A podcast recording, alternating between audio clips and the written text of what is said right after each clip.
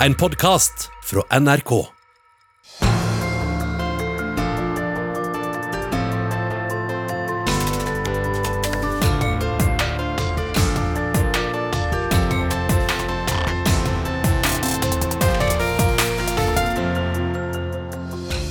I disse dager stenger Europa grensene for noen titalls tusen mennesker i Hellas som er på vandring mot et bedre liv.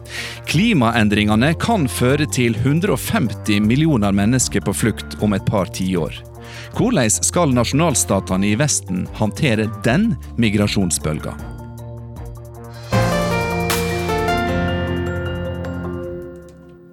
Velkommen til disse dager på Pod og P2, aktualitetsprogrammet som hver veke bruker nyhetsbildet som palett for å male et større bilde av tida vi lever i. Og selv om det meste i mediene nå rettmessig handler om den akutte utviklinga og håndteringa av koronasmitten, så står det fremdeles mange mennesker utenfor piggtrådgjerda i Hellas og vil inn i Europa. Derfor skal vi i dag snakke om framtidas folkevandring og hvordan nasjonalstatene i Europa skal møte ei kommende migrasjonsbølge. Kan vi stenge verden ute, spør vi i disse dager. Vi skal både forklare hva nasjonalstaten er, hva som gjør at endra klima kan føre til folkevandringa, hvorfor kriger i Afrika kan påvirke tryggleiken i Europa, og vi skal få vite hva vi kan lære av ei klimakrise og påfølgende folkevandring for 1500 år siden.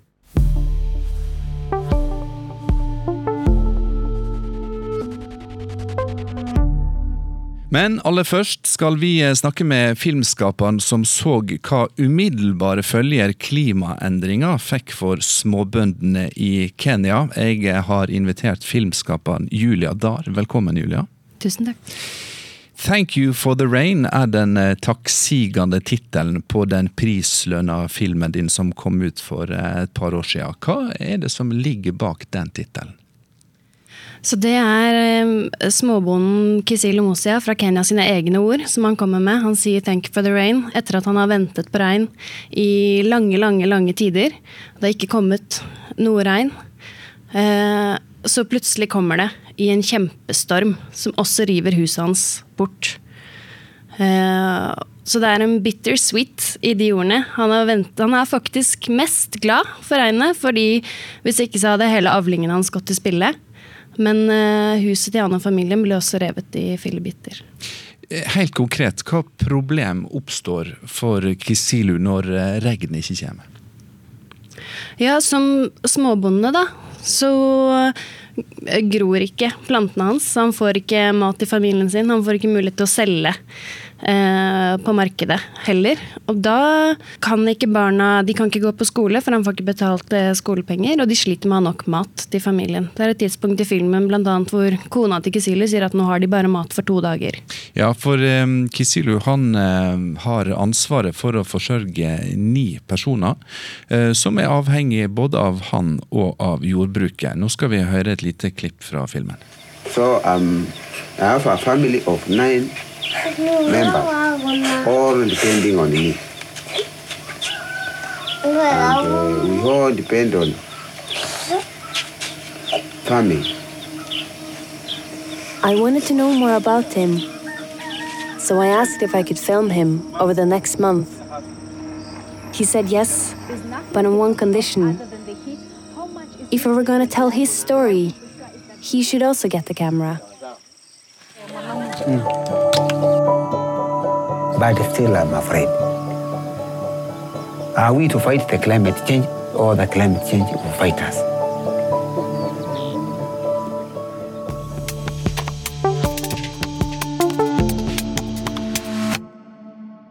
Julia Dahr, det er ikke så mange småbønder i Kenya som blir fulgt av et filmkamera i fem år.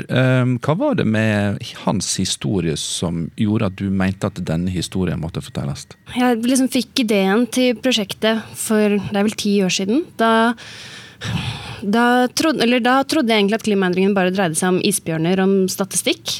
Og så lærte jeg gjennom at jeg var frivillig i en organisasjon som heter Spire, så lærte jeg der at klimaendringene dreier seg om menneskelige historier. At det er konsekvenser for mennesker, og særlig for mennesker i det globale sør. og det sjokkerte meg, for jeg visste ikke om den historien i det hele tatt. Jeg trodde jeg liksom kunne en del om, om klimaendringer. Uh, og så begynte jeg å gjøre litt research og prøve å finne om det fantes noen filmer på det. Og det gjorde det ikke. Det var ingen filmer som fortalte om de menneskelige konsekvensene på klimaendringenes frontlinje. Så da dro jeg til Kenya for å prøve å møte en bonde. Og det var veldig viktig at det også For jeg vet jo at det er jeg visste at det er veldig mange bønder som gjør utrolig mye for å prøve å tilpasse seg og virkelig kjempe tilbake mot klimaendringene. Uh, og når jeg møtte Kisilius, så uh, ja, da visste jeg at jeg hadde funnet den rette personen for alt det han gjør for å prøve å tilpasse seg, og så dedikert han er, og hvordan han jobber for å få med seg lokalsamfunnet også. For å klare da, å leve i klimaendringenes tid. Det mm. var veldig inspirerende. Og Kisilu han ble jo en slags eh, filmkjendis av dette prosjektet. Han har eh, fått taletid både på FN-konferanser og på den store EAT-konferansen. Hva er budskapen hans til oss eh, her vest? Ja, så Det er to ting. Det, det ene er at vi må kutte utslipp. Kjempeviktig.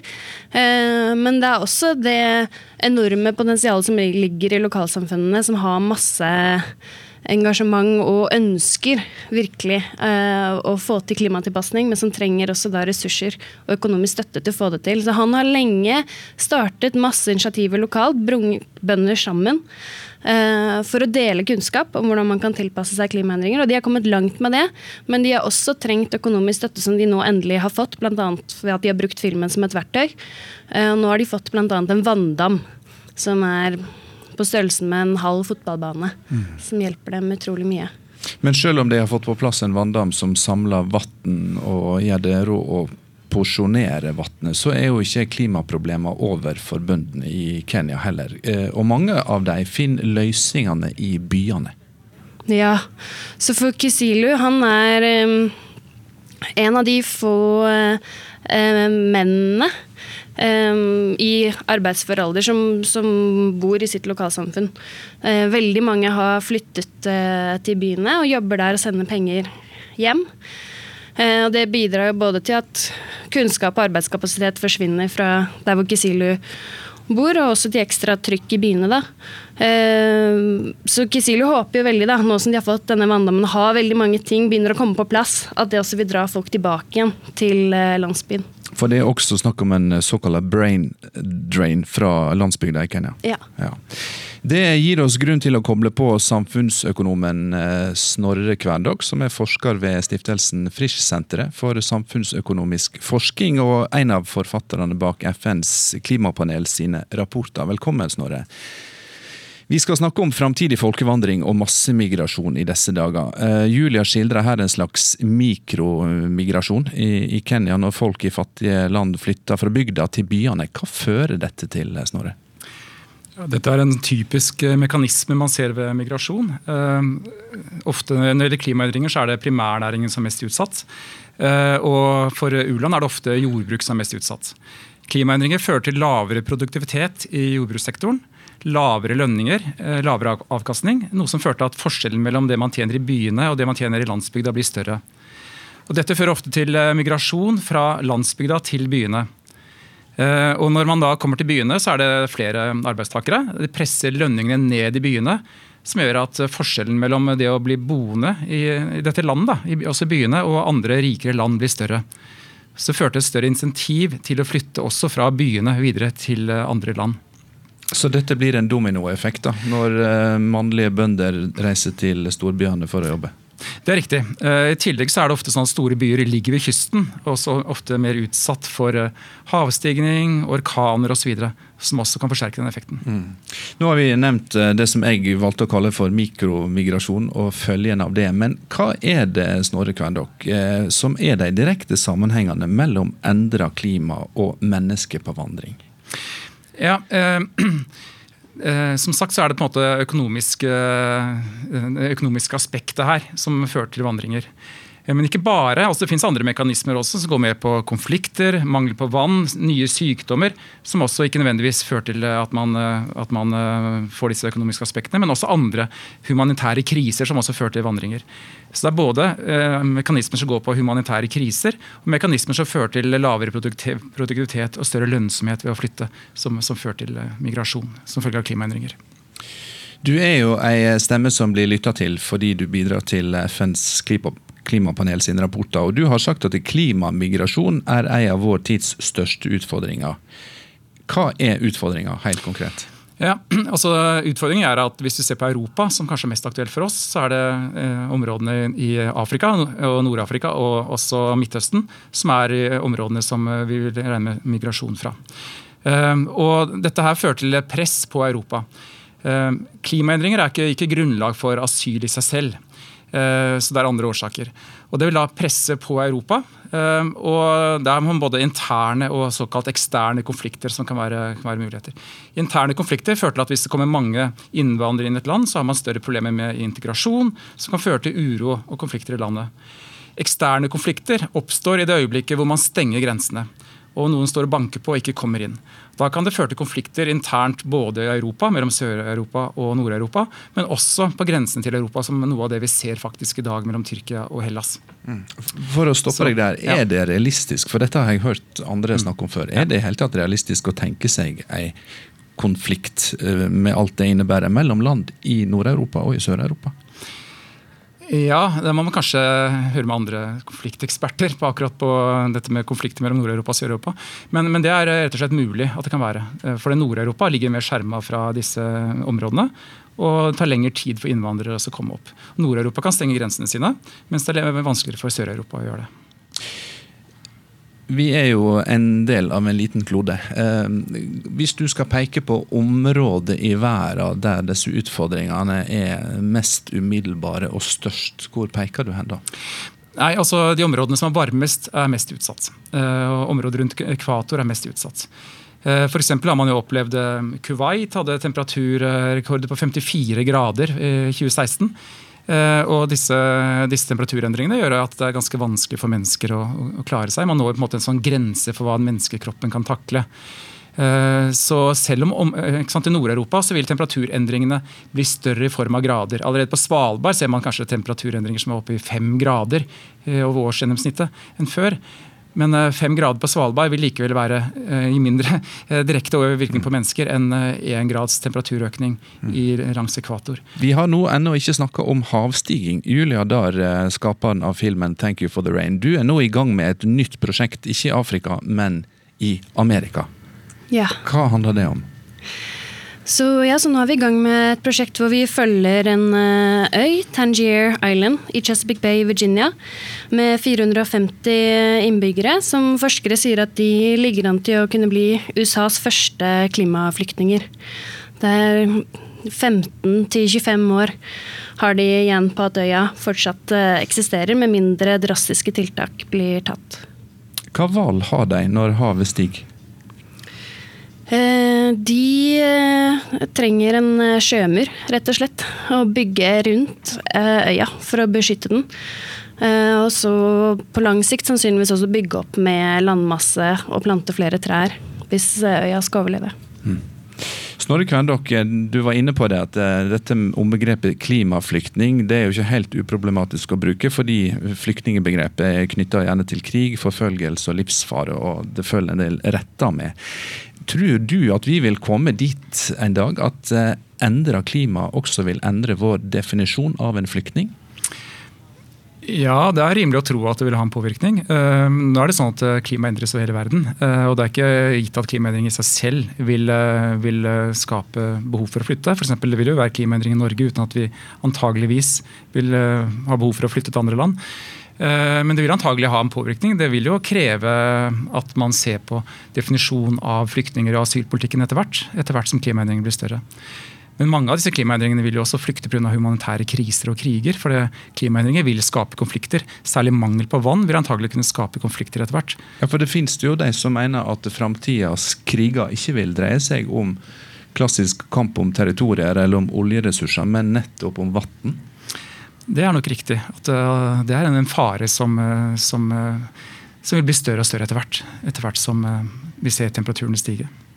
Vi skal gå nærere inn i definisjonen av både flyktningebegrepet og hva som kvalifiserer til å kalle et menneske for en flyktning. Vi skal også snart ta inn en tidligere general som har ei uro knytta til framtidig migrasjon.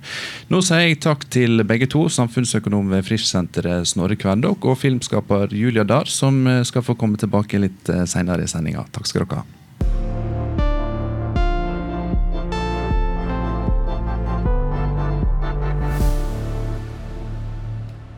Vi har i det siste sett hvordan styresmakten i Hellas håndterer flyktninger og migranter som kommer til den greske grensa og vil inn i Europa. Og vi har hørt Hellas bli omtalt som Europas skjold mot mennesker på jakt etter et bedre liv.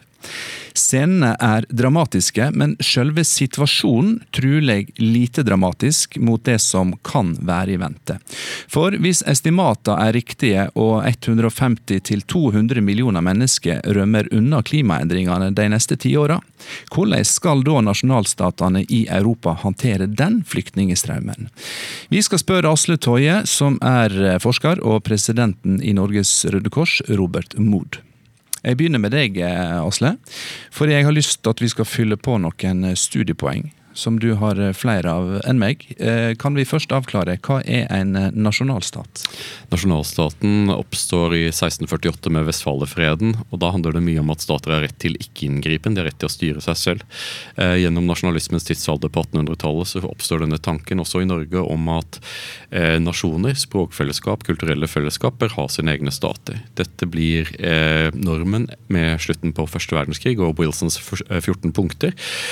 Og deretter så går nasjonalstaten sin seiersgang ut fra Vest-Europa og, og, og, forplanter seg gjennom hele verden. Og i dag så utgjøres verden av 500 pluss selvstendige nasjonalstater, eh, som ved veldig få unntak anser seg selv for å være bærere av eh, en, kultur, en spesiell kultur, men også er en slags medlemskapsorganisasjon. Det å være borger av en nasjonalstat det fører med seg en del rettigheter og en del plikter. Og dette har alle nasjonalstater til felles.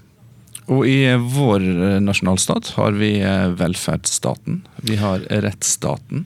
Har vi flere stater i nasjonalstaten? Eh, ikke noe sted i verden har velferdsstatene blitt bygd opp så eh, ekstensivt som i Europa, hvor nasjonalstatene også oppsto. Eh, det sies at Europa har 7% av verdens befolkning, om lag 25 av verdens verdiskapning, og, mottar, og står for 50% av verdens samlede velferdsutgifter. Så våre stater er en mer forpliktende kontrakt enn det man finner, i andre land. Mm. Og La oss se på oppgavene da, til en nasjonalstat som Eh, er mer eller mindre å hegne om egne interesser og eh, innbyggerne sine felles verdier.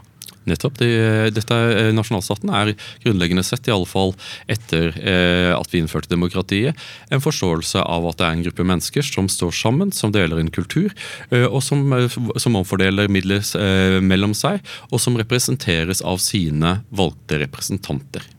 Da er jo spørsmålet hvordan vi skal stå sammen når det kommer mange andre mennesker og vil stå sammen med oss i vår velferdsstat og i vår rettsstat. Robert Mood, vi er vant med å se deg eh, iført hærens grønne beret, men eh, etter din militære karriere har du fått flere andre hatter, bl.a. som president i Norges Røde Kors. Hvordan mener du at nasjonalstater, som da er danna for å drive selvstyre, eh, skal håndtere ei framtidig migrasjonsbølge? Det er jo et kjempestort, spennende spørsmål. da. Eh, Asle nevnte Woodrow Wilson, går tilbake 100 år i tid, og, og den biten. og og Når dere nå snakker om nasjonalstaten, så syns jeg med min bakgrunn er veldig spennende da også, å snakke om det som skjedde etter andre verdenskrig, nemlig at vi fikk FN, vi fikk Nato, vi fikk EU. Hvor ideen var at det må være noe over statene. Som er, eh, Ideen var jo rett og slett en overnasjonal autoritet. Som da skulle både forebygge og kunne gripe inn i kriser og kunne ha en, sånn, en overnasjonal ledelses, ledelsesmekanisme. Og det er klart, hvis man vil, så er det fullt mulig nå å si at både nasjonalstaten og dette overnasjonale systemet som vi etablerte i 45, har spilt fallitt. Så vi leter etter nye løsninger. Og det er klart Statene de kan bygge, bygge mur, de. Man kan gå tilbake til bygdeborgen à la holdt på å si Masada i Israel, eller tilbake til den trojanske hesten og, og måten den ble brukt på.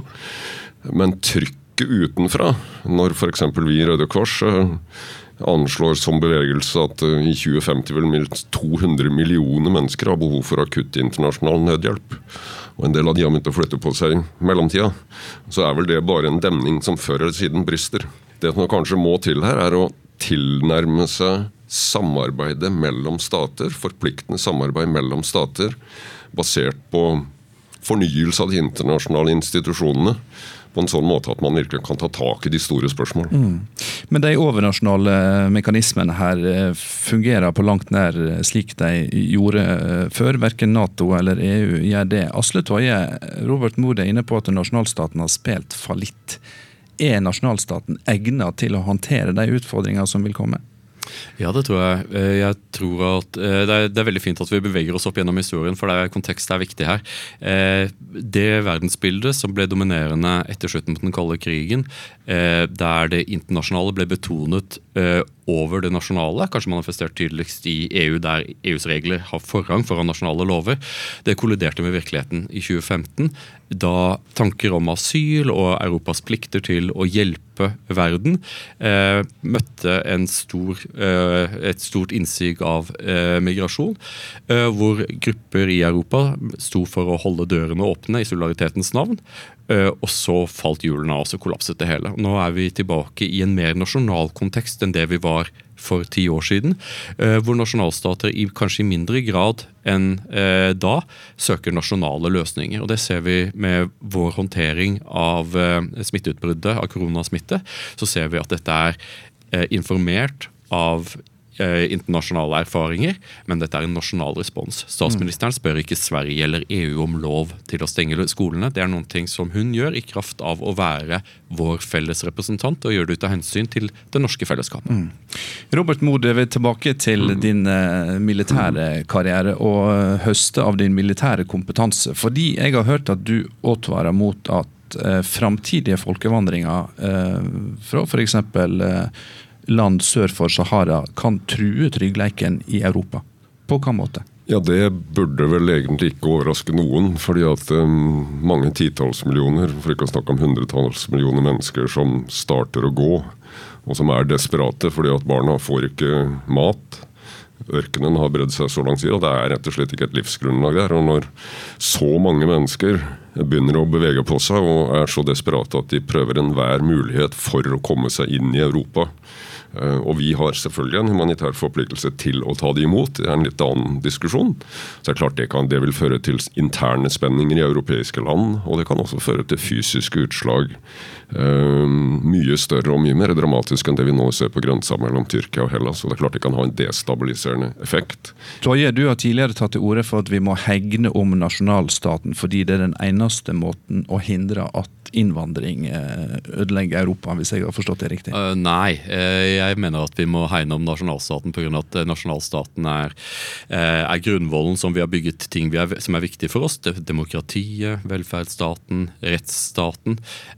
Alle dette er barn av nasjonalstaten, og derfor bør vi verne om nasjonalstaten. Det finnes ingen annen måte å organisere seg på som har klart å levere så mye frihet for så mange mennesker og så mye trygghet. Eh, og Derfor så må man eh, verne om nasjonalstaten og hegne om den. og Det som Robert Mood sier, det er en slags skjult historie i Europa nå. Eh, Mood er ikke den eneste som, som ser sikkerhetsutfordringen. Grunnen til at Europa nå står i en situasjon der alle europeiske land står med Hellas og grensen skal holdes, er ikke pga. at folk har blitt mer innvandringsskeptiske eller mindre sympatiske med flyktningene, men de er redde for de interne konsekvensene. Jeg minner om at under flyktningkrisen i 2015 så avsatte den greske statsministeren hele generalstaben, og det er vanskelig å se for seg at det ikke var pga. frykt for et militærkupp i Hellas. Det er et eksempel på den slags politiske konsekvenser som kan inntreffe når befolkningen blir skremt og føler seg truet. Og Du ser bare i Norge i dag hvor kort tid det har tatt fra vårt frihetselskende individuelle folk går ut og gjør sånn som vi vil, til vi fullt ut aksepterer autoritære eh, grep. De mest autoritære grepene fra den norske staten siden annen verdenskrig blir innført i disse dager uten noen diskusjon eller protest. Folk ser nødvendigheten av det og lever med det. Mm. Robert Mood, eh, hvor lenge kan eh, nasjonalstatene i Europa fokusere nettopp på det nasjonale og indre anliggende i ei stadig mer globalisert vær med stadig flere millioner mennesker på vandring? Til i går. Ja. Det er ikke et alternativ til eh, enten forpliktende samarbeid og eller eh, overnasjonale systemer, avtaler. For vi kan, Det er ikke mulig å håndtere de utfordringene vi nå ser foran oss. Hvis vi tar de tre eksistensielle, faren for atomkrig, naturødeleggelser, konsekvenser av klimaendringer. Det er ikke mulig å håndtere de hver stat for seg. Så vi er helt avhengig av enten et forpliktende samarbeid eller overnasjonale løsninger, og helst begge deler. Så hegning om nasjonalstaten er ikke løsninga? Nei, ikke hvis det, det, ikke hvis det blir det eneste virkemidlet.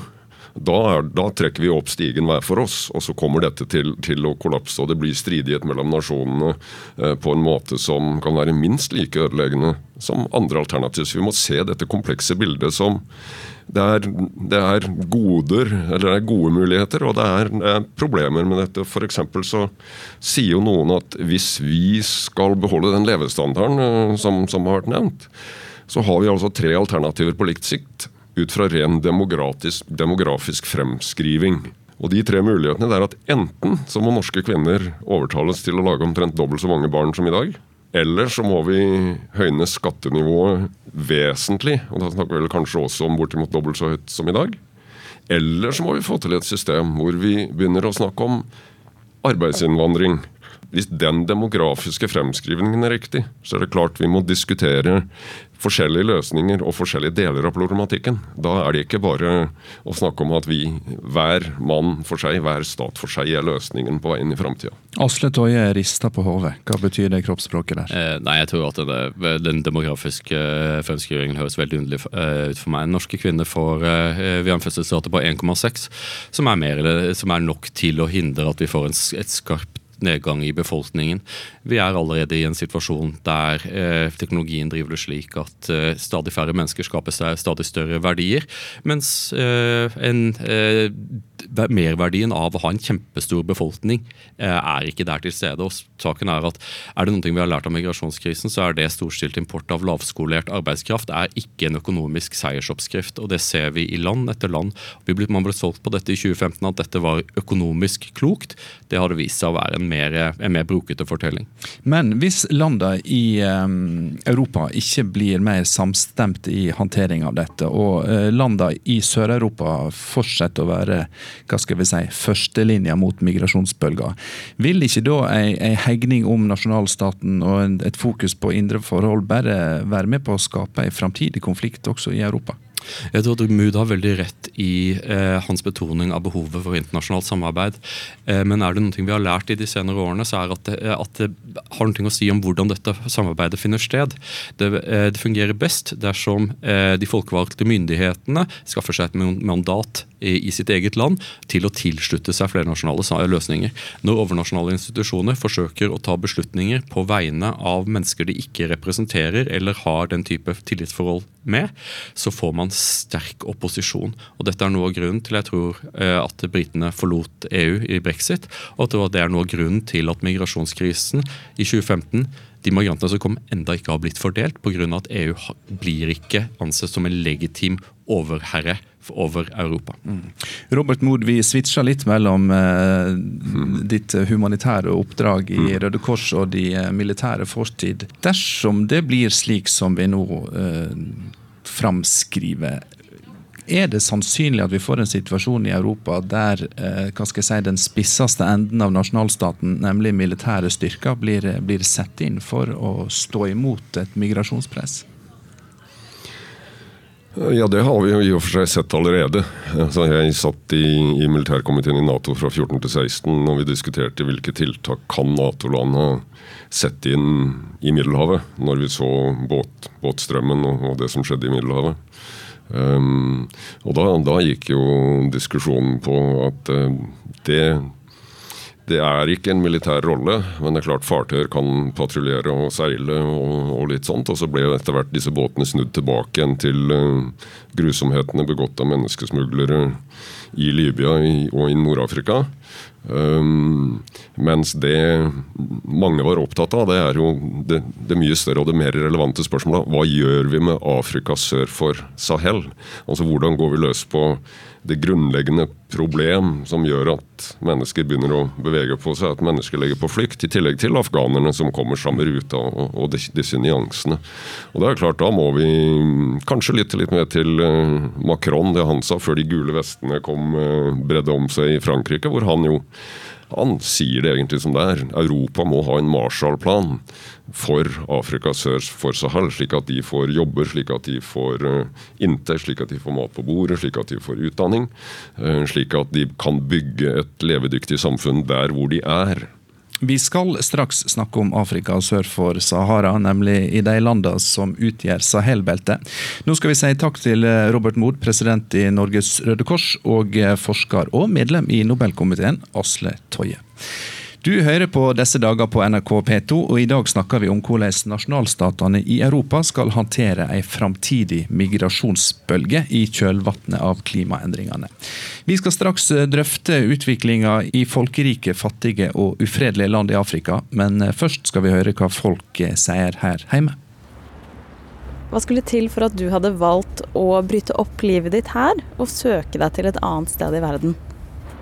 Nei, det måtte ha vært krig, tror jeg. I Norge så er det ganske lett å komme seg bort fra folkemengder, så, som korona og sånt noe. Det kan dra på hytta hvis det, det skulle være. Det er veldig vanskelig å tenke seg, det. Det er det. Men det måtte ha vært noe som gjorde at det ikke var mulig å være der man er lenger. At det er noe som gjør at du blei At det ikke er liv laga der, rett og slett. Det måtte være dårlige jobbmuligheter, tenker jeg. At du ikke sliter med å få jobb, og lettere å få jobb utlandet. Hvis det ble for stor eh, forskjell på fattig og rik. At det du har bygd det fra før av, rakner. Eh, familieforhold, f.eks. At et, ja, et, forhold går i knus. Eh, nei, det blir jo hvis eh, Kanskje hvis liksom det politiske hadde endra seg veldig i Norge. Hvis man hadde gått liksom helt motsatt retning. At eh, eh, den friheten vi har her og liberalismen vi har her, på en måte hadde forsvunnet sånn typ over natta. Um, ellers er det klart at uh, med klimaendringene og liksom det litt ustabile politiske landskapet i verden, så kan det plutselig skje ting. Det. Jeg har alltid tenkt at uh, hvis jeg skal liksom være trygg for alt sånn kjipt som skjer i verden, så tror jeg at jeg skulle flytta til New Zealand, for den ligger sånn sykt aleine. Uh, men samtidig så ser jeg at de har jo masse koronasmitte der òg nå, da, så jeg vet ikke hvor bra den planen er.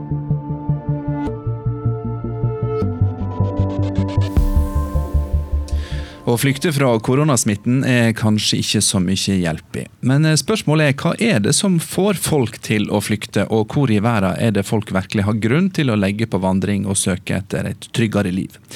Et svar er Sahel-beltet, som tidligere nevnt. Det strekker seg over landa sør for Sahara og går mellom Afrikas østkyst til vestkysten. Benedicte Giæver, velkommen. Du er leder for Nordkapp, ei ekspertisegruppe i Flyktninghjelpen, og har nett Eh, vært på reise i dette området, Sahel-beltet. Hvor var du hen? Jeg var både i Niger, Burkina Faso og Mali, for så å ende opp i Senegal. Og Det var jo for å få et inntrykk av hvordan er situasjonen i disse landene nå, og hva kan vi gjøre for å, å, lette på denne situasjonen. Ja, for Du sa du hadde vært midt i hjertet av Sahel, men også midt i det verste. Hva er enkelt sagt utfordringene i disse landene? Den store utfordringa er at folk legger på flukt eh, pga. krig, konflikt, men også pga. klimaendringene. Og det som er så problematisk, er at disse tingene henger så nøye sammen. Eh, så f.eks. noen av de jeg traff i, eh, i Nord-Niger, de har flykta fordi at eh, de kanskje dyrker jord. De er bønder. Men så kommer de som har kveg. De kommer inn med kveg, altså store hordene sine. Og de tar for seg av den jorda som bøndene har dyrka. Og dermed blir det umulig for de å livnære seg. Men det kan også være det at eh, de eh, forskjellige grupperingene som driver med kvegdrift, de har begynt å kjempe mot hverandre. Og så har du grupperinger som kanskje er drevet av mer religion eller drevet av makt etc., som også har en kamp å kjempe. Og så blir det jo spørsmål hva gjør folk til syvende og sist? Noen legger på flukt, andre går og støtter visse grupperinger, for de tenker ok, det er en måte å overleve på. Noen gir til og med barna sine vekk som en avbetaling for å kunne overleve. Og det er situasjonen per i dag. Morten Bøås, du er forsker ved Norsk utenrikspolitisk institutt. For de av oss som kjenner bedre til Orionsbeltet enn det langtstrekkende Sahelbeltet, hva har vi med å gjøre her?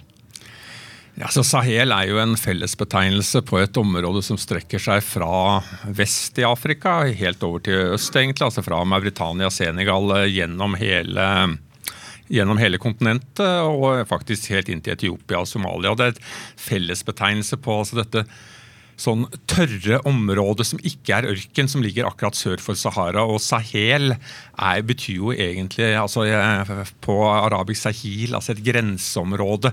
Og En måte å se dette på er enten å se det på som et veldig tørt og uveitsomt område. Et annet måte å se det på er å se på dette som et hav som kan navigeres. Og Det er et område hvor det har vært utstrakt mobilitet langt tilbake i historien. Men det er også et område som per dags dato innehar eh, noen av verdens svakeste stater. Altså noen av de, Disse statene her, de ligger stort sett nederst på alle rangeringer, enten det er Verdensbanken sin rangering, FN sin rangering osv. Omtales som svært svake stater. altså vil si at De er svake administrativt sett. De har også veldig liten absorberingskapasitet når det gjelder f.eks. ekstern støtte. Så eh, et av, Macron vil gjerne ha en Marshall-plan og Marshall-hjelp til disse statene. Problemet er det at du løser ikke Sahel-problematikken bare med å bruke mer penger. Snarere så burde du kanskje bruke mindre penger, men bruke dem smartere. Eh, og I tillegg så er det ikke bare at de er svake administrativt sett, men altså dette er også stater som er veldig sårbare politisk sett. Altså, de, er ikke, de, er ikke, godt skrudd sammen politisk og institusjonelt, og er offer for fragmentering og mye voldelig konflikt. Mm. Benedicte Giæver, Flyktninghjelpen er jo en organisasjon som bruker penger i disse landene. På hva måte jobber det for å gi folk en grunn til å bli der de er, enkelt sagt? Altså Gjennom Nordkapp, en av de tingene vi har gjort der, er faktisk det å, å støtte opp om værvarslingstjenesten. Fordi eh, Vi vet jo i Norge hvor opptatt vi er av hva, hvordan været blir i morgen. Men i de landene, eh, som Julie Dara også var inne på, så er det veldig viktig å vite når er det du skal så, og når skal du høste. For hvis du sår for tidlig og ikke får nok vann, hva skjer da? Men også kunne, for å kunne si hvordan, hva skjer nå? Hva skjer? Regn skal vanligvis begynne i juni-juli i disse landene. I april får vi de første større varslingene inn i forhold til hvordan dette kommer til å se ut. Så det er veldig viktig for oss at folk skal kunne få denne informasjonen. Men så når folk har fått denne informasjonen, hva gjør de da? Blir de gitt mulighet for å dyrke noe som er mer motstandsdyktig? Eller skal de ta alle kyrne sine og forflytte seg til f.eks. Benin? Hvis de går fra Niger til Benin, så må de vite om dette, hva som kommer til å skje. Så vi er veldig opptatt av at, og det er jo en form for forebygging. Men samtidig så må vi også gå inn og sikre oss hvordan vi skal sørge for at disse områdene hva skal jeg si, At ikke ørkenen brer om seg, som Morten var inne på. Og da må vi jobbe med forebygging. Morten Bøås, er værvarsling på SMS og radio tiltak som forhindrer folk i å migrere? Ikke i seg selv, men eh, det er ikke noe dumt tiltak. det, for det er klart at det som har skjedd her er at altså Folk har jo levd i disse områdene i eh, århundrer, årtusener, og det har alltid vært uh, et vanskelig sted å bo. Det har alltid vært tørke i disse områdene, det har alltid vært ressursknapphet. og Folk har jo historisk sett lært seg til å overleve i disse områdene, ellers hadde det ikke bodd folk der. Problemet i dag er at uh, mens det før var sykliske svingninger mellom den tørre og den, og den litt våtere tiden, og man kunne planlegge, man kunne være forutsigbar, man man kunne også etablere altså garantiordninger og låneordninger mellom ulike folkegrupper, sånn at hvis du mista kveget, så kunne du låne kveget av andre. Men det er kun mulig hvis du har en forutsigbarhet i når krisene inntreffer. Problemet i dag er ikke altså De fremtidige klimaeffektene her vil komme til å bite ekstremt hardt. Det vi ser nå, er mer klimaeffekter knytta til det jeg vil kalle ekstrem klimavariabilitet. Sånn at det er veldig vanskelig for jordbrukerne å forutsi og Sånn sett er bedre værvarsling en del av en løsning, men ikke den hele. Nei, og nå er det jo egentlig ikke været eller klimaendringer som sådan vi snakker om her i disse dager på NRK P2, men vi snakker om de migrasjonsbølgene som dette kan eh, skape. Morten Bøås, du har eh, sagt til meg at du skal skrive ei bok om eh, tilstanden i Sahel, som kanskje får tittelen 'En perfekt storm'. Er det en slags dommedagsprofeti du skal til å skrive? Nei, det er ikke en dommedagsprofeti, men jeg håper å skrive en bok som er en kraftig advarsel. og Jeg fikk akkurat eh, beskjed fra forlaget at kontrakten kommer i dag, så den boka blir noe av. Den, og den har får tittelen 'Sahel The Perfect Storm'. Men hva er det du advarer mot? Advarer du mot eh, migrasjonsstrømmer på Europas grenser, eller advarer du mot eh, naud og liding i disse landene? Eh, begge deler, egentlig. Altså Den perfekte stormen som er under oppseiling her, er en kombinasjon av svake stater, mye intern voldsbruk som øker om seg, fremtidige klimaeffekter og en fremtidig eh, befolkningseksplosjon. For det som skjer her i områder som er noen av de mest sårbare for klimaendringene, er også at du har en enorm befolkningsøkning. Altså det er eh, Befolkningen i Mali vi tror i dag det er ca. 18 millioner. Vi vet ganske gode tall på hvor mange barn hver malisk kvinne får. De tilsier at eh, den maliske befolkningen vil rigge rundt 50 millioner i 2045. Og det er det million dollar question er hva skal 50 millioner mennesker i Mali leve av? Det her er den perfekte stormen. Den gode nyheten som jeg ønsker å få frem i denne boken, er at vi har fortsatt et uh, handlingsrom. Vinduet er fortsatt oppe, men det er antagelig ikke oppe med mer enn 10-15 år før det antagelig kan bli for seint å gjøre noe med de effektene. Og da vil vi se en enorm migrasjonsstrøm både sørover, men også nordover ut fra dette området.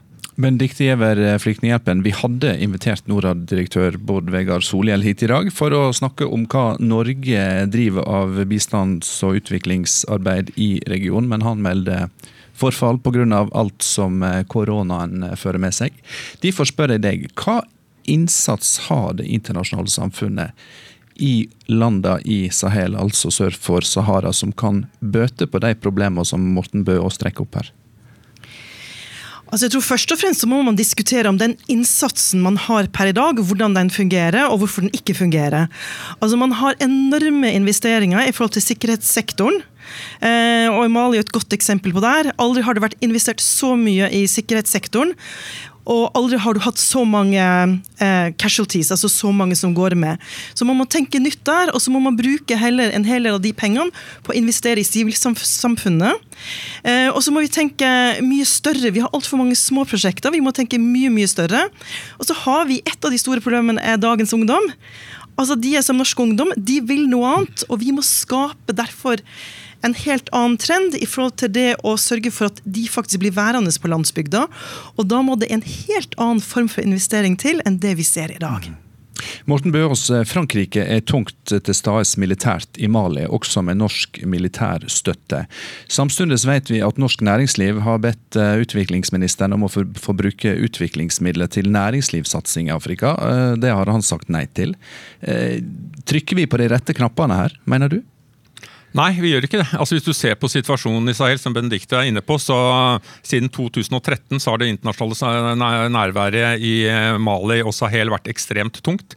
Det er enorme summer som brukes på dette nærværet. Det er stort sett til sikkerhet. Altså EU har en gedigen misjon som skal trene opp den maliske hæren. Det er helt totalt mislykket. Vi liksom brent opp de pengene, alle får større nytte av dem. Eh, vi må legge om dette her til en tilnærming hvor det handler om to ting stoppe altså en ganske meningsløs jakt på terrorister i ørkenen, til menneskelig beskyttelse og investering på landsbygda i en framtid som uh, ungdommer tror på. Vi må gi folk tilbake troen på at det er mulig å leve, men ikke kun leve, men også oppnå sosial mobilitet der de er. Klarer vi det, så kan vi forhindre dette. her. Men uh, per dags dato er det altfor mange unge malere, nisjerer osv. som har gitt opp troen på at noe godt skal skje der. Klarer vi dette, Benedikt Giæver? Ja, hvis vi er villige til å ta den endringen her og nå. Og så må vi gi den ungdommen et helt annet fremtidshåp. De, de går ikke inn i disse gruppene pga. Eh, religiøs overbevisning. De går inn i disse gruppene for å skape seg en framtid. Og det må vi forstå. Og Derfor så bør vi investere alle de milliardene vi tytter inn i sikkerhetssektorreformen, inn i ungdommens framtid. Mm. Folkevandringa som vi snakker om i disse dager er jo ikke noe nytt, men spørsmålet er hva vi kan lære av tidligere migrasjonsbølger. Hvordan oppsto de, og hva førte de til? Heng på, og du skal bli klokere. Nå skal jeg si takk til Bendikte Giæver fra Flyktninghjelpen og NUPI-forsker Morten Bøås.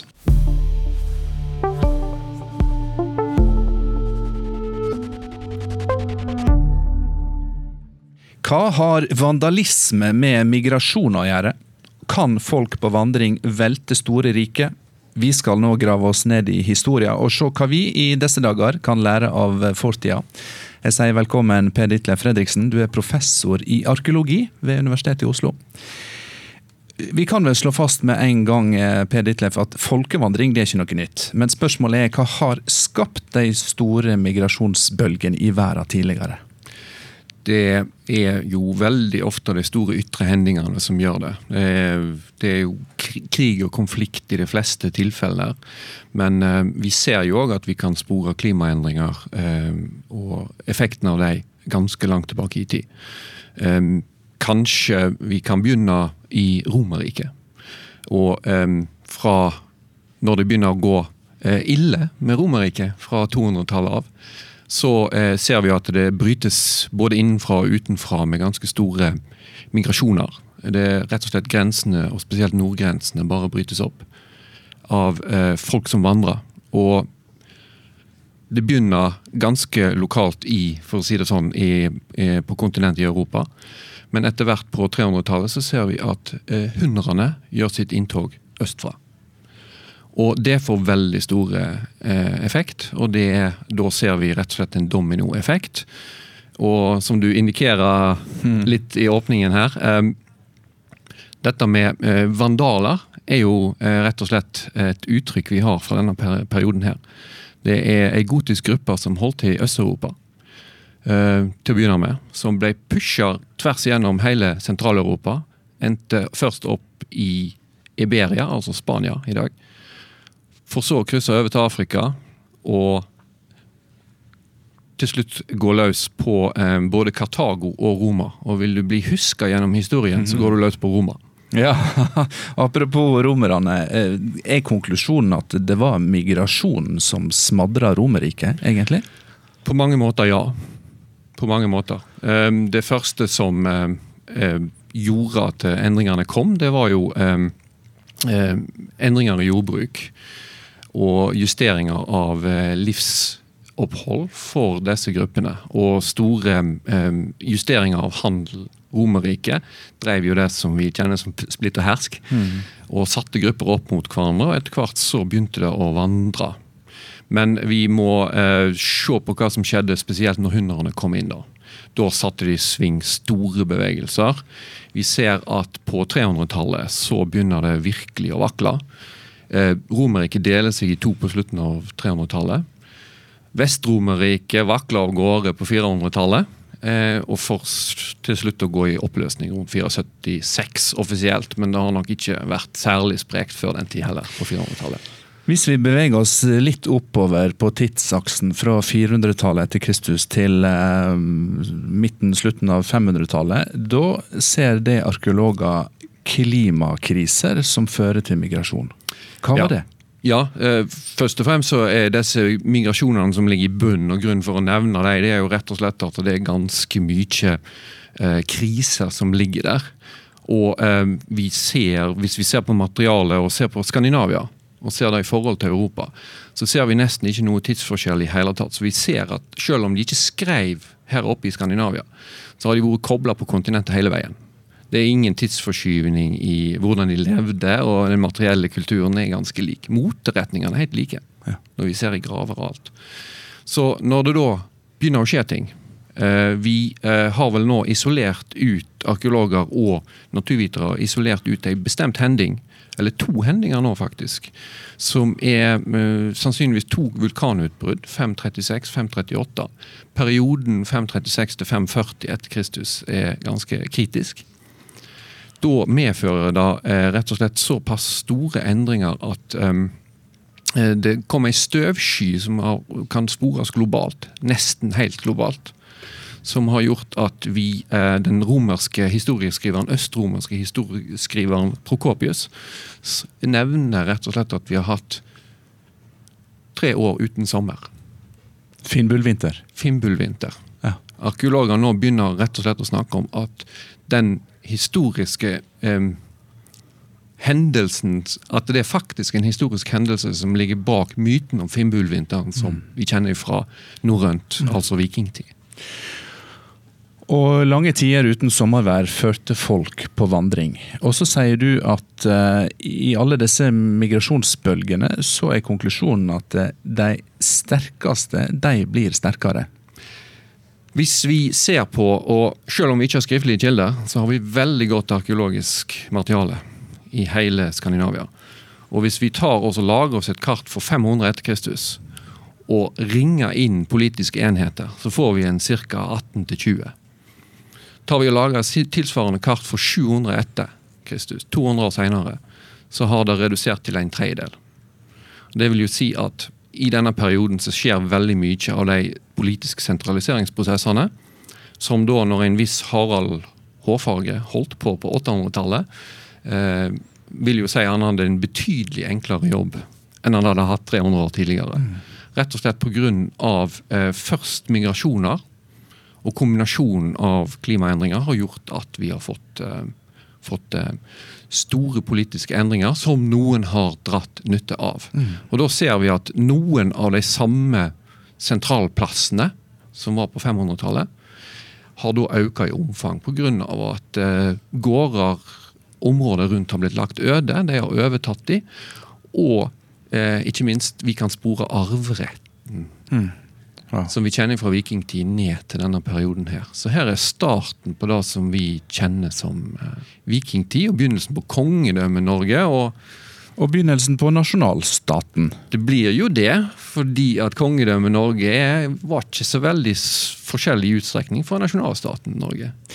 For å trekke parallellene enda lenger inn i nåtida, da, når vi er ved nasjonalstaten. Hvordan har migrasjon eh, forma samfunn og, og levesett eh, opp igjennom? Altså, når vi går tilbake i tid, så ser vi eh, bysamfunn omringa av eh, høye murer, plassert strategisk gjerne på, på høgder i terrenget. Mm. Er det migrasjonen som har gjort dette her? Ja, til dels. Det, vi har jo en veldig bestemt hendelse som har fått mye oppmerksomhet. Eh, nå er det jo sånn at Når arkeologer kommer med noe, så skal historien skrives om igjen hver gang. Men eh, denne har virkelig fått, fått, eh, fått, gjenklang. og Det er en nylig utgravning som begynte i 2011, av Sandby borg på Øland. Mm. Det er rett og slett en eh, massakre. Det er ikke graver eller noen ting, det er ikke engang massegraver. De er rett og slett slakta ned og ligger der de ble drept. Og den ligger, og den plassen ble lagt øde, og den ligger der, og den ble gravd ut nå, de siste fem, seks, sju årene. Den eh, tror vi, eller arkeologene som har jobba med den, klarer vel òg da å, å, sette det i sammenheng med, med voldelig maktovertagelse, og da også, også en, rett og slett en terrorhandling. Mm. Uten å strekke parallellene for langt. Som arkeolog grever du i fortida for at vi skal lære noe av det som har skjedd. Hva kan vi, i den situasjonen vi står i i dag, hva kan vi lære av fortidas eh, folkevandringer? En ting vi ser, det er jo at um, de som sitter godt i det når disse tingene skjer, de sitter gjerne enda bedre i det når uh, støvet legger seg. Uh, sentraliseringsprosesser, sånne type ting. Um, har ganske, eh, det har ganske stor effekt når sånt skjer. og Det er ikke uten grunn at kollegaer av meg i Sverige for eksempel, har satt dette i sammenheng med eh, en, en sjokkdoktrine. I at en eh, ikke bevisst setter i gang nødvendigvis, men ser muligheter, utnytter situasjonen. og Hvis vi ser det over tiår, par hundre år kanskje, så ser vi at effekten er at vi, de som er godt rusta, bor godt til i forhold til jordbruksland, sånne type ting, sitter igjen enda bedre etter sånne hendelser. Så det er noe med organiseringen her som, eh, og maktstrukturer som blir forsterka av disse tingene. Det går igjen gjennom hele jernalderen, det kan jeg si ganske sikkert. Og fram til i dag. Ja. Per Ditle Fredriksen, professor i arkeologi. Tusen takk for denne historietimen.